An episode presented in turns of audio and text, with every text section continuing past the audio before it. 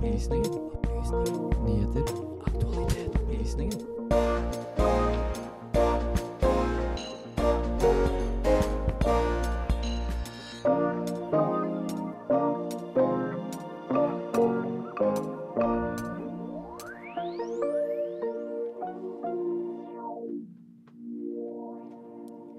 Vi hører stadig om utrydningstruede dyr og tap av mangfold. Vi sjekker om tiltakene har noe for seg. Tørrfaste seiler opp som en ny og farlig trend. Men hva i all verden er det?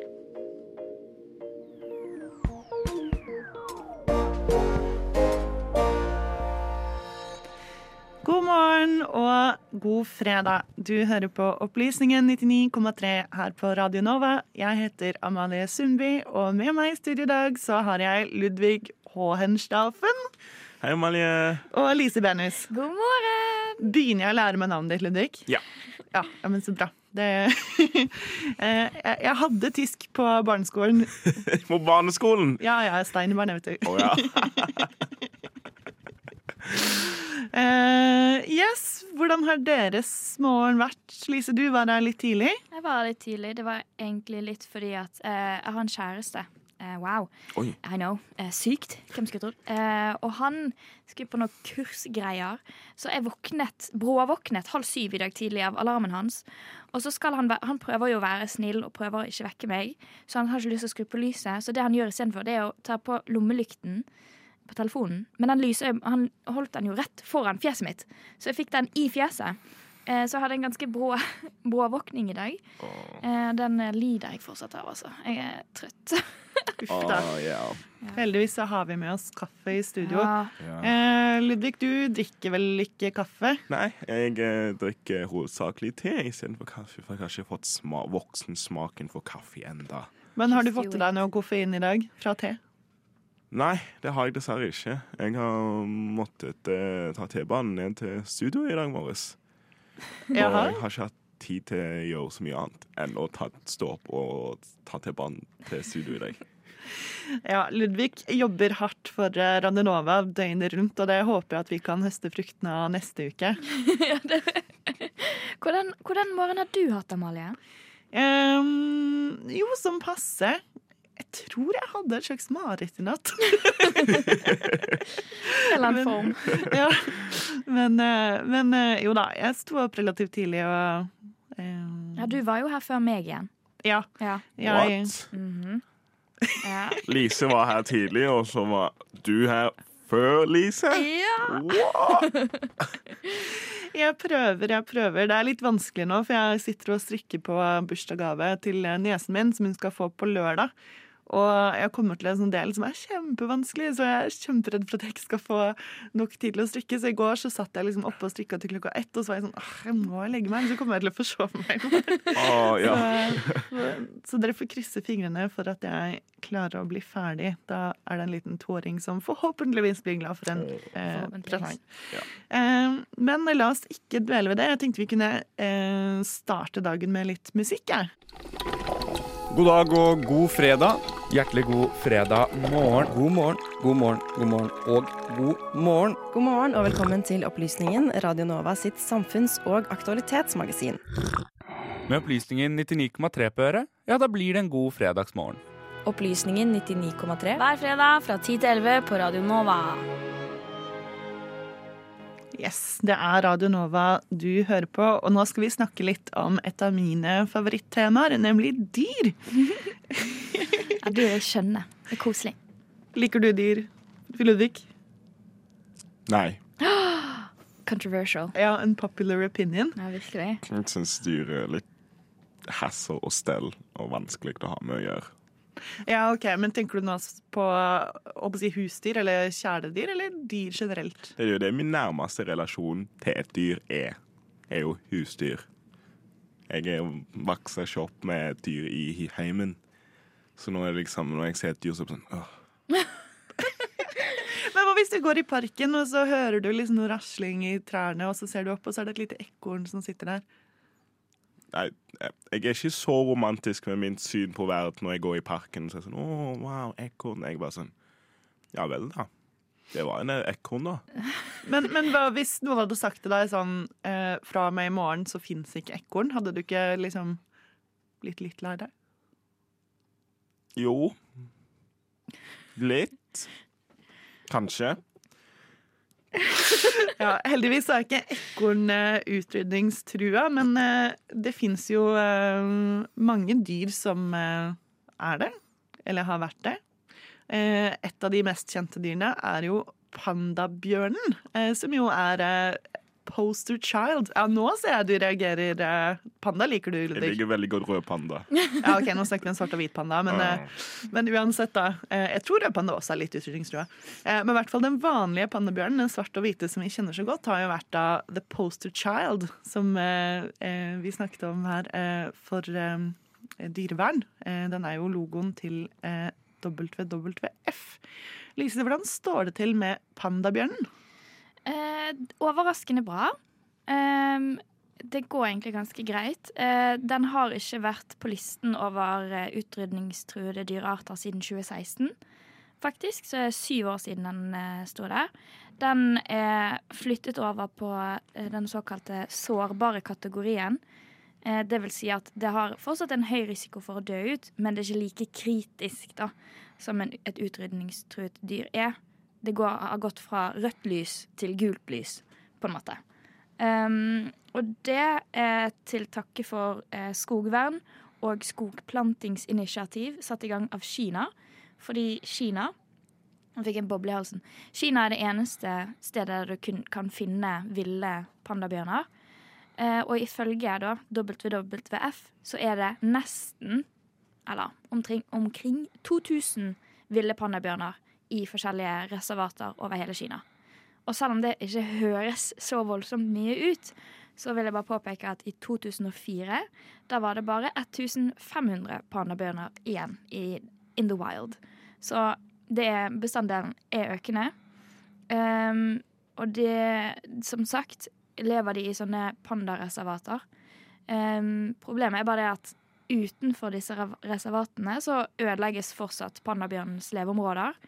Eh, blant annet bambusskogene, som pandabjørner spiser jo bare bambus. Eh, og, så det gjør det vanskelig på en måte for, bam, for bamsen, sier jeg nesten, for pandabjørnen å leve utenfor reservatene.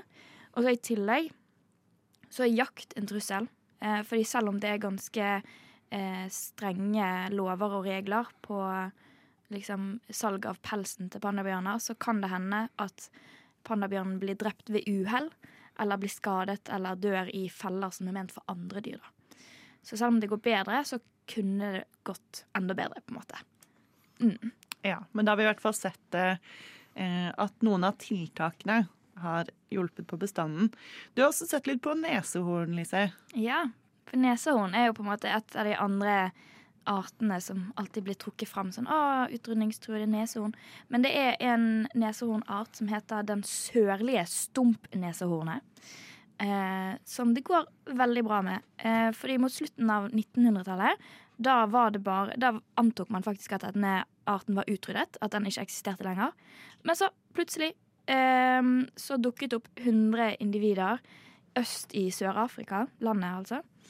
Eh, og disse ble godt beskyttet, og etter flere eh, Etter et, over et århundre med godt planlagt naturforvaltning, er det faktisk eh, nå over 20 000 av de som lever i beskyttede områder i syv forskjellige land sør i Afrika. Eh, og det har da eh, Ja, det er det eneste eh, nesehornarten da, som ikke er utrydningstruet lenger. Eh, som er kjempebra. En negativ ting er jo det nordlige stumpnesehornet, eh, som gjerne er den man tenker på da, eh, som utrydningstruet. Der er det bare to gjenlevende arter igjen, eller, eh, og begge to er damer. Hunder. Lever i Kenya. De er beskyttet konstant av vakter, væpnede vakter. Og siste hanndyret av arten, gitt navnet Sudan, han døde i 2018. Men positivt. Eh, forskere har ikke gitt opp håpet på at de kan redde denne arten. Eh, de har nemlig klart å hente ut levende eggceller fra de to levende, gjenlevende eh, hunnnesedyrene. Og da de siste eh, mennene, eller hannnesedyrene, eh, levde, hentet de òg ut sædceller. Eh, så de har klart å faktisk få fram noen sånne, sånne embryos. Eh, problemet er bare det at de to gjenlevende eh, hunnnesedyrene ikke kan bli gravide. Så det de håper på, da, er å ta disse embryosene og putte de inn i sør-stump-nesehornet. For å på en måte redde nord-stump-nesehornet, da. Men det er mye eh, arbeid før vi vet om det er mulig å redde denne arten. Ja, jeg ønsker dem lykke til. Eh, I tillegg så har du sett litt på en sommerfugl. Yes, det har jeg. Jeg har sett på monarksommerfuglen. Mm, det, er en, sort-oransje farget sommerfugl. Eh, og den finner du i USA, da. Eh, og det er faktisk den eh, eh, eh, sommerfugl- og møllarten som har det mest utviklede migrasjonsmønsteret som vi kjenner til. Kanskje òg det mest kjente av alle insekter. Det går da fra eh, nord i, USA og Canada. Så flyr de hele veien ned til Mexico for å overvintre der, da. Ehm, og det er Ja. Den største trusselen mot disse sommerfuglene, da, det er tap av hekkehabitat. eh, Og eksponering mot plantevernmidler og eh, klimaendringer som kan gjøre det vanskelig å overvintre i Mexico, da, for eksempel. Men denne arten den eh, var eh, hadde, fikk i fjor status som utrydningstruet. Men i forrige måned, i oktober i 2023, så fikk de faktisk endret statusen sin til eh, sårbar istedenfor. Og dette var fordi at eh, U, IUCN, som er de som driver med sånne røde artelister internasjonalt, de innrømte at de tok kanskje litt forhastede slutninger i fjor. Fordi eh, de baserte De baserer det veldig på eh, hvor fort en art på en måte Bestanddelen av arten synker. Eh, og i stor grad var dette basert på observasjoner fra befolkningen i USA og i Mexico. Eh, og det er alltid litt sånn usikkert om dette faktisk stemmer.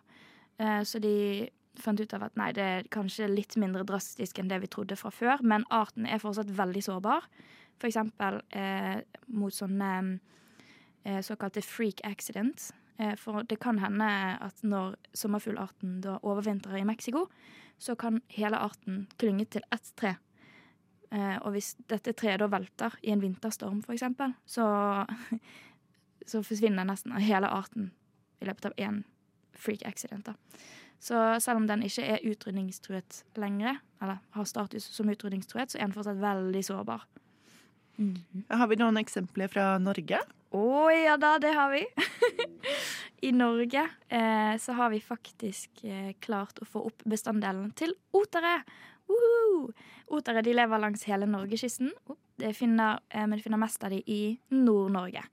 Eh, og de hadde en kraftig nedgang i bestanden fra, på 1970-tallet. Eh, og det skyldtes i all hovedsak høyt jaktpress, som var støttet av stat, statlige skuddpremieordninger. Eh, Men for å forhindre at arten skulle utryddes fra Norge, så ble den totalt fredet i 1982. Og så, sakte, men sikkert, så har, eh, så har de da økt i antall her i Norge. Den oteren ble klassifisert som truet og plassert på norske rødlister i 1990. Eh, og der har den befunnet seg Eller den befant seg der da i nesten 20 år. Og så ble det revidert i 2021. Og da fikk oteren eh, status som eh, såkalt eh, livskraftig. Som er den beste statusen du kan ha, da. På liksom listen over statuser. um, og det er òg, bare sånn for opplysning til alle mennesker der ute, en registreringsplikt blant den norske befolkningen. Altså hvis du ser en død oter, så skal du, så skal du varsle kommunene, da. Ehm, fordi at vi er nødt til å vite hvor mange otere som eksisterer der ute. Fordi at selv om oteren gjør det bra her til lands, så gjør han det ikke så veldig bra i Europa. Den norske oterbestanden er en stor del av den totale eh, bestanden i Europa. Og eh, på den globale rødlisten så er han faktisk kategori kategorisert som nært truet. Eh, som har, der har han befunnet seg i flere tiår. Nært truet er, hakket under livskraftig. Eh, så vi må på en måte jobbe for oteren her i Norge, da. Ta vare på den. Tusen takk, eh, Lise. Det er alltid deilig å starte dagen med gode nyheter, og gode ny- dyrenyheter er de beste nyhetene. Når vi spør dem om de virkelig ikke vil ha tariffavtalen, så sier de jo jo, vi vil jo ha den, for den er jo mye bedre enn husavtalen. Du har ingen elbil, du har ingen vindmøller, du har ingen PC og ingen mobil hvis du ikke har disse metallene. Jo, man kan snakke om penger, man kan snakke om alt det her, men i bunn og grunn så handler det her om et pågående menneskerettighetsbrudd. Det Grunnloven sier, det er, i realiteten er nesten ikke sant. Opplysningen på Radio Nova. Fra klokka 10 til 11 hver eneste fredag. Yes, da skal vi snakke litt om brus. Eh, Ludvig, hva er din favorittbrus? Pepsi Max. Er det det? Yes. Ja, for jeg har skjønt at det er veldig mange som liker Pepsi Max. Hva med deg, Lise? Åh, controversial. Jeg er ikke så glad i brus, jeg. Hvis, altså, helt seriøst, da jeg var liten, eh, så var jeg det irriterende barnet som foreldre måtte kjøpe inn saft til på barnebursdager, for jeg bare drakk ikke brus. Men hvis jeg må velge, sånn all time favorite, så kanskje Fanta Exotic. Den rosa. Ja, faktisk. Så er det den jeg alltid kjøper på McDonald's. Når jeg kjøper Meny, så er det sånn Alle andre Cola, Pepsi Nei, Fanta Exotic. Hitte en annen plass. Ja, det gjør det. Den er veldig god. Jeg liker de litt sånn eh, Det har kommet noen sånne nye Solo Super de siste åra. Eh, en med pære. Syns jeg er veldig god. Eh, Ja. Og så en med fersken, tror jeg. De liker jeg. Ja. men jeg har liksom ikke skjønt greia med Pepsi Max. Jeg har alltid syntes det smaker skikkelig dritt. Sånn unnskyld. Oi. wow. What? Hæ? Nå må du passe deg når du går ut av studio her etterpå. Blir banket opp av eh, Nei da. Eh, jeg, eh, jeg ser litt den. Men jeg syns Pepsi Max er en sånn brus som man kan gå for, for hvis man bare vil ha noe safe, på en måte. Ja. Det er ikke så det er sånn, Jeg kan alltid liksom ta en kopp med, med Pepsi Max, men det liksom, jeg må være i et spesifikt humør for mange andre bruser. Ja. You know? Yeah. Sånn ehm, Sånn solo, for eksempel. Da skal, jeg, da skal det være påske, og det skal være ut på ski, og det skal være ute, og det skal være kaldt, og det skal være snø, og det skal liksom Ja. Det var vel mange kriterier på å drikke en lille brus fra butikken. Og sånn. Nei, det må være en veldig spesifikk årstid. Ja, det er jeg faktisk litt enig i. Jeg syns solo er veldig godt på tur. Når du liksom har gått og liksom har blitt litt svett og du eh, er skikkelig tørst. Da er det forfriskende med en solo, men jeg drikker det aldri ellers. Men eh, det skal handle om Pepsi, kanskje ikke spesifikt Max. Eh, for det er vel Norge som liksom er på Pepsi Max-toppen. Eh, resten av verden eh, liker vanlig Pepsi. Eh, la oss eh, høre en reprisesak som vår venn Lise har laget om Pepsi. Er det én ting vi er gode på her i Norge, så er det å drikke Pepsi. Vi her i Norge drikker faktisk så mye Pepsi Max at vi alene står for 9% av det totale salget av drikkevaren. Vi nordmenn drakk i 2021 i snitt 142 halvlitere hver, ifølge Bryggeriforeningen. Men det er ikke bare vi i Norge som er glad i denne kullsyreholdige drikken. Sovjetunionen var så ivrige på å få Pepsi Cola inn i landet at PepsiCo endte opp med å ha en militær flåte som var den sjette største i hele verden. Hvordan kan dette ha skjedd? Det hele startet under den kalde krigen i 1959. Daværende amerikanske president Dwight Eisenhower og den sovjetiske lederen Nikita Khrusjtsjov ble enige over en avtale om kulturell utveksling. Sovjetunionen ønsket gjennom denne avtalen å starte handel med USA, mens Eisenhower ønsket å vise fram den amerikanske kulturen til borgere i Sovjetunionen for å vise fordelene med kapitalisme. Den kulturelle utvekslingen ble i form av en messe, hvor de to landene skulle vise fram de områdene som landene utmerket seg i. Sovjetunionen holdt sin messe i New York i 1959, hvor de bl.a. viste fram deres framskritt innenfor teknologi relatert til verdensrommet og til romkappløpet. Den amerikanske regjeringen arrangerte samme år sin kulturelle utstilling i Moskva, og sendte daværende visepresident Richard Nixon for å delta på åpningen. Her viste de fram det de sjøl mente de utmerket seg i, nemlig teknologi for å ha i hjemmet, som farge-TV, og andre kulturelle uttrykk som brus. Under den amerikanske utstillingen i Moskva endte Nixon og Khrusjtsjov opp i en opphetet debatt som bl.a. handlet om temaet kapitalisme versus kommunisme. På et punkt måtte Khrusjtsjov faktisk tørke litt svette vekk fra brynet sitt. Her så Donald Kendall, representanten for Pepsi, sin gylne mulighet. Han tilbød Khrusjtsjov en kald kopp med Pepsi, som Khrusjtsjov gledelig tok imot. Til tross for at cruisesjef ikke var særlig imponert over den amerikanske utstillingen, ble han betatt av Pepsi. I 1971 ønsket Sovjetunionen å inngå en avtale som ville bringe Pepsi-produktet til landet deres permanent. Det var imidlertid et spørsmål om hvordan de kunne betale for sin nye drikke, ettersom den russiske rubelen ikke var anerkjent valuta over hele verden. De kunne dermed ikke veksle det inn i andre pengeformer som dollar eller pund. Men Sovjetunionen produserte mye av en annen drikkevare som PepsiCo kunne selge verden over vodka. Sovjetunionen ga PepsiCo rettighetene for distribusjon av vodkamerket Stolichnaya. Da denne avtalen var spikret, ble Pepsi det første vestlige produktet for salg i Sovjetunionen. Denne handelsavtalen holdt i 20 år. Men på et punkt innså PepsiCo at salget av vodka ikke lenger gjorde opp for mengden Pepsi som ble drukket i Sovjetunionen. Det var tid for en ny handelsavtale. Så i 1989 endte sovjeterne opp med å byttehandle til seg Pepsi ved å gi selskapet PepsiCo en flåte med ubåter og militært fartøy.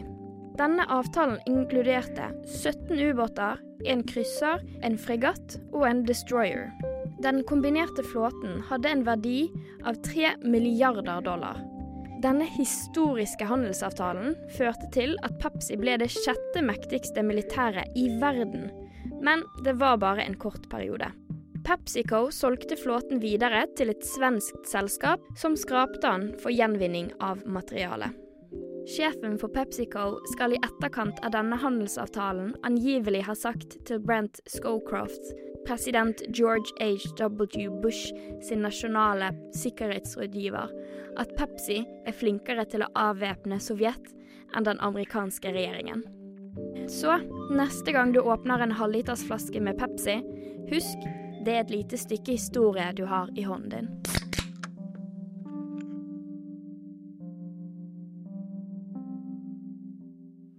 Reporter i denne saken var Lise Benus. Opplysningen Hver fredag 10-11 på Radio Nova.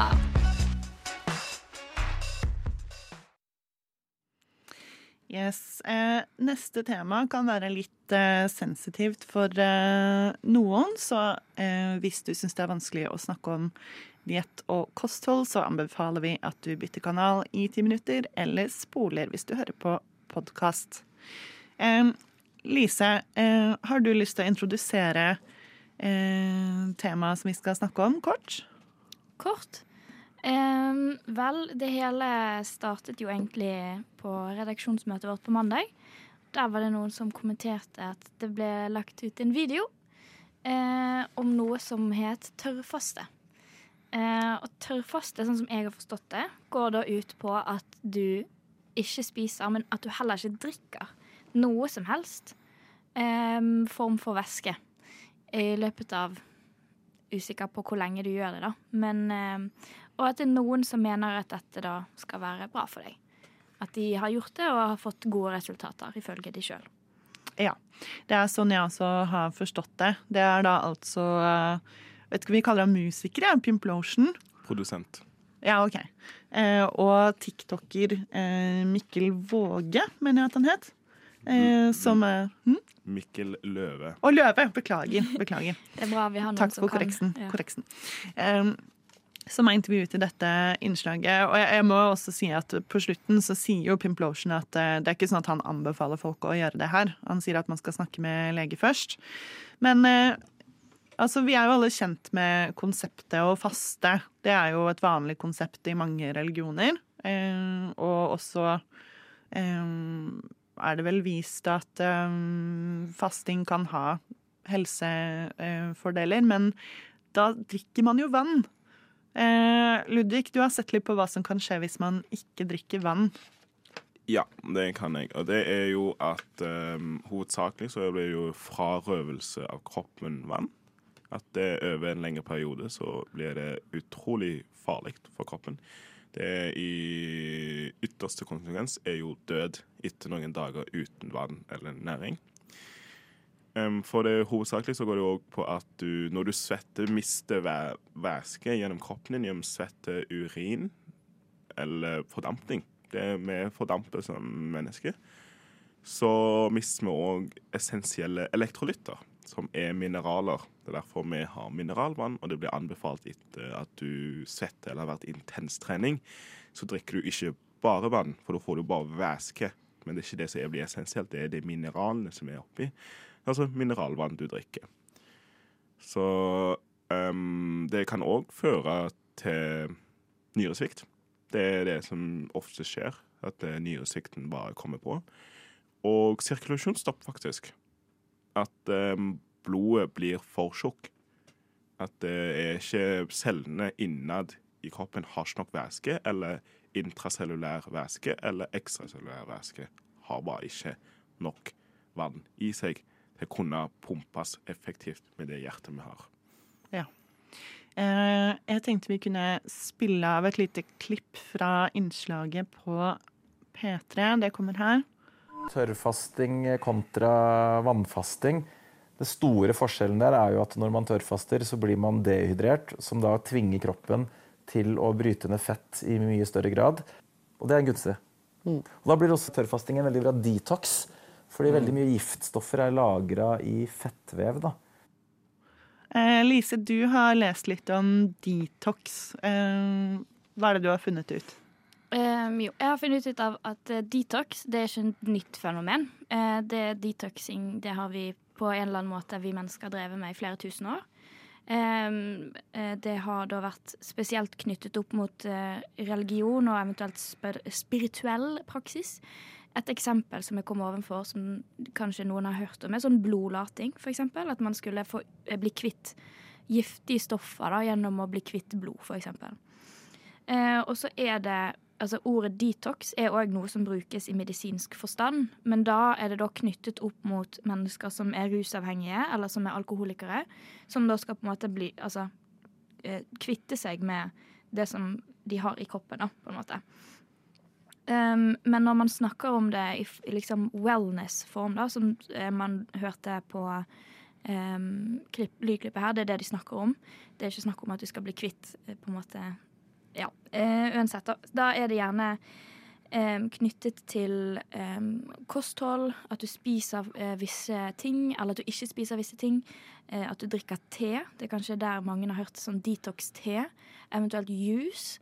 Og det skal da, ifølge produsentene og ifølge Ja, skal det da kvitte kroppen for toxins, eller eh, giftige ting, i kroppen. Eh, men tingen er jo det at det gjør jo gjerne ikke det.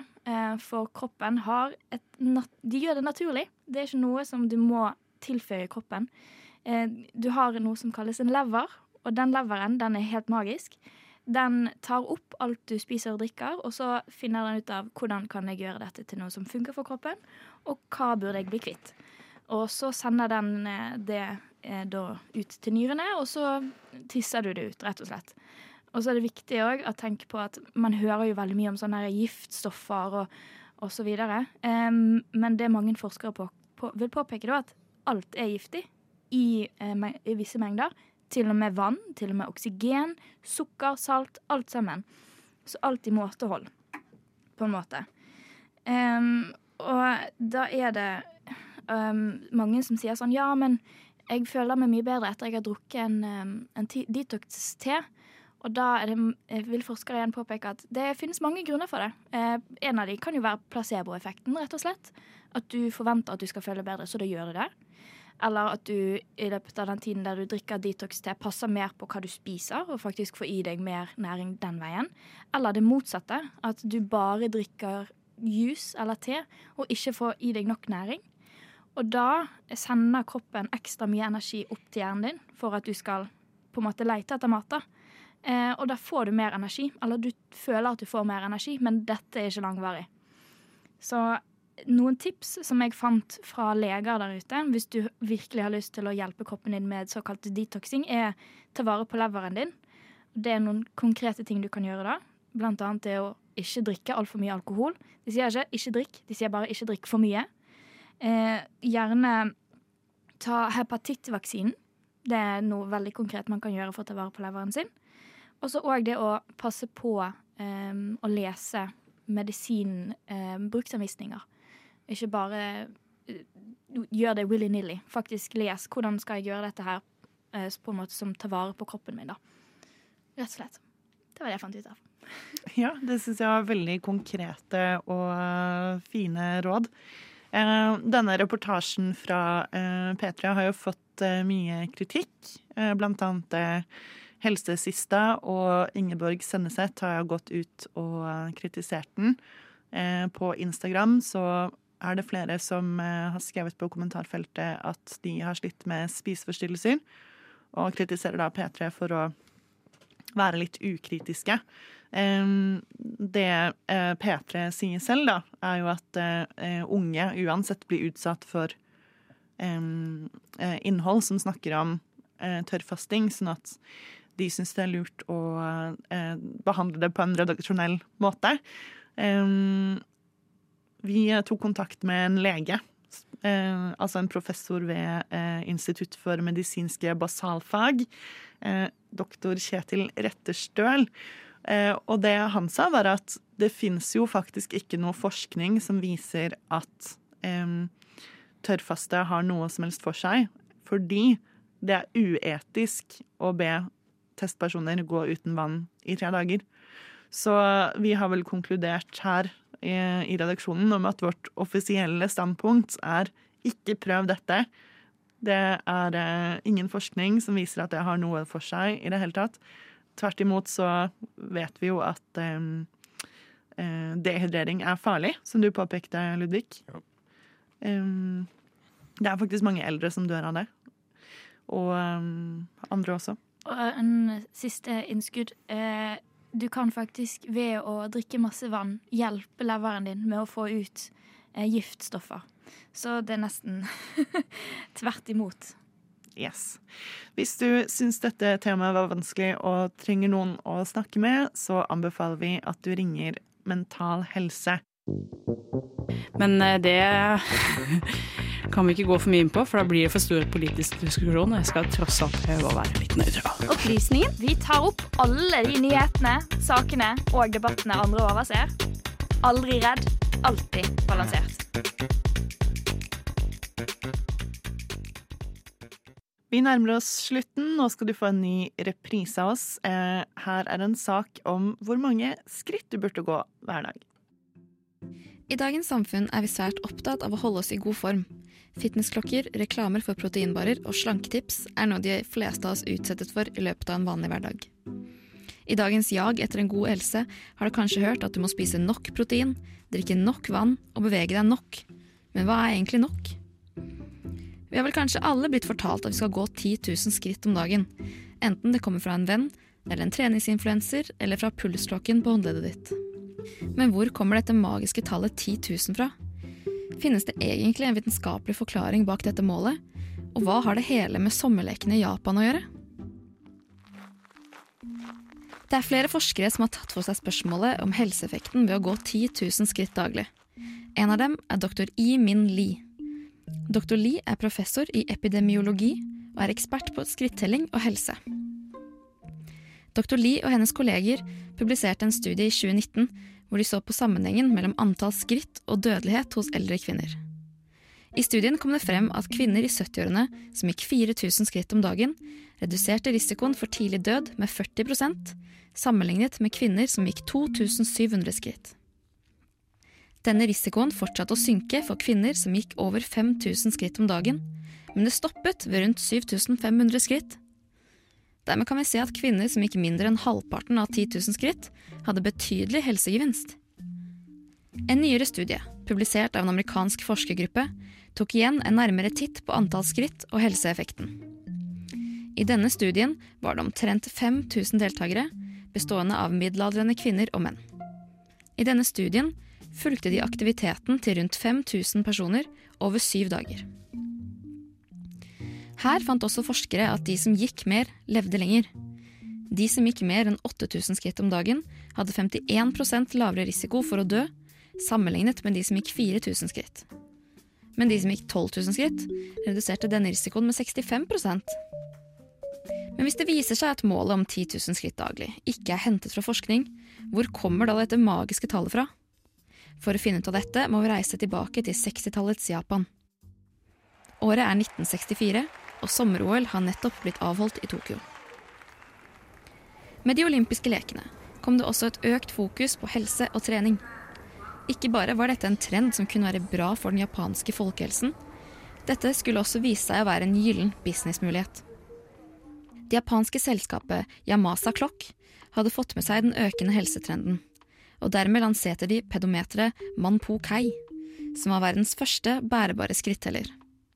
Manpo Kai betyr direkte oversatt 10 000 skrittmeter. I tillegg ser Manpo Kai ut som en gående mann når det er skrevet med japanske tegn. Det var tilsynelatende egentlig ingen annen grunn til at de valgte antallet 10 000 skritt, annet enn at de følte at tallet i seg selv ville være en indikasjon på en aktiv livsstil og burde være et sunt mål. Et forskerteam ved Kyushu University of Health and Welfare undersøkte senere de potensielle fordelene ved å ta 10 000 skritt. De konkluderte med at den gjennomsnittlige japanske personen ville tatt mellom 3500 og 5000 skritt om dagen. Dersom disse menneskene ville tatt 10 000 skritt om dagen, kan det tenkes at de ville kunne redusere risikoen sin for hjerte- og karsykdommer. Som vi kan se er det vanskelig å finne et konkret treningsmål som skal passe hele befolkningen. Linda Hildegard Bergersen, som er professor i fysiologi ved Universitetet i Oslo, uttalte seg om temaet til forsken.no. Bergersen sa her at forskere er enige om at trening er bra for helsa, men når det kommer til hvor mye trening vi trenger, er det usikkert. Videre viser Bergersen til at man innen medisin i løpet av de siste årene har blitt mer klar over at en del legemidler bør tilpasses til enhver person. Kanskje det også er slik med fysisk aktivitet? At fysisk aktivitet og trening er bra for helsa, det kan vi ikke stikke under en stol. Som vi kan se, finnes det data for at dødeligheten synker når man går flere skritt. Men akkurat hvor mye aktivitet vi skal være i, blir kanskje for individuelt til å kunne samle under ett generelt råd. Hvorfor forholder vi oss da fremdeles til målet om 10 000 skritt? Kanskje vi rett og slett ser resultatet av god japansk markedsføring fra slutten av 60-tallet. Hva fasiten er, finner vi kanskje aldri ut av, men at fysisk aktivitet er bra for helsa, det kan vi alle være enige om. Reporter i denne saken var Emilia Haaland Johansen.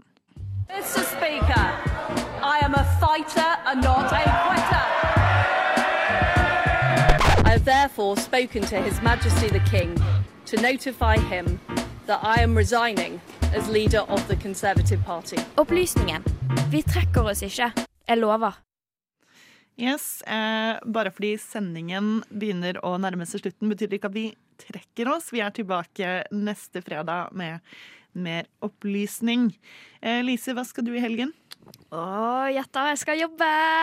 Yay. Og i tillegg til det så har jeg eksamen på tirsdag. Å, grat- jeg gratulerer, holdt jeg på å si. jeg. Nei, å. Kondolerer. Nei. Nei, takk, takk. Det er vitenskapsteori og metode, så det er, åh, det er så tørt. Og det er så tørt. Det er så utrolig tørt med kvantitet og kvalitativ. Ja. Og du da, Ludvig? Jeg skal til Gøteborg. Ja, det er sant, det. Jeg skal til våre kollegaer ved Nordlyd til helga. Ja. håper jeg du kommer forfrisket tilbake med eh, Det håper nye impulser. Det, er- jeg- det er målet, faktisk. Jeg skal hovedkonsentrere på akkurat det. Ja. Eh, Jeg håper at jeg når deadline på mitt eh, strikkeprosjekt. I så fall så blir det eh, toårsdag på meg lørdag halv tre i Moss. Um, hvis ikke så vet jeg ikke hva jeg skal gjøre. Nei da, jeg får vel stikke uansett. Uh, yes, uh, medvirkende i denne sendingen var Lise Benus og Emilia Haaland Johansen. I studio har vi vært Lise Benus, Ludvig Hohenstaufer Staffen? Og- Ja. Ja, Eh, Og meg, Amalie Sundby. Da gjenstår det bare å ønske dere en god helg. God helg! God helg.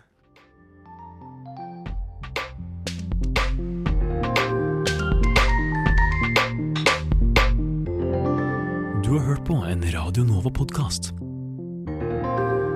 Du finner flere podkaster i din foretrukne podkastavspiller eller på vår hjemmeside radionova.no.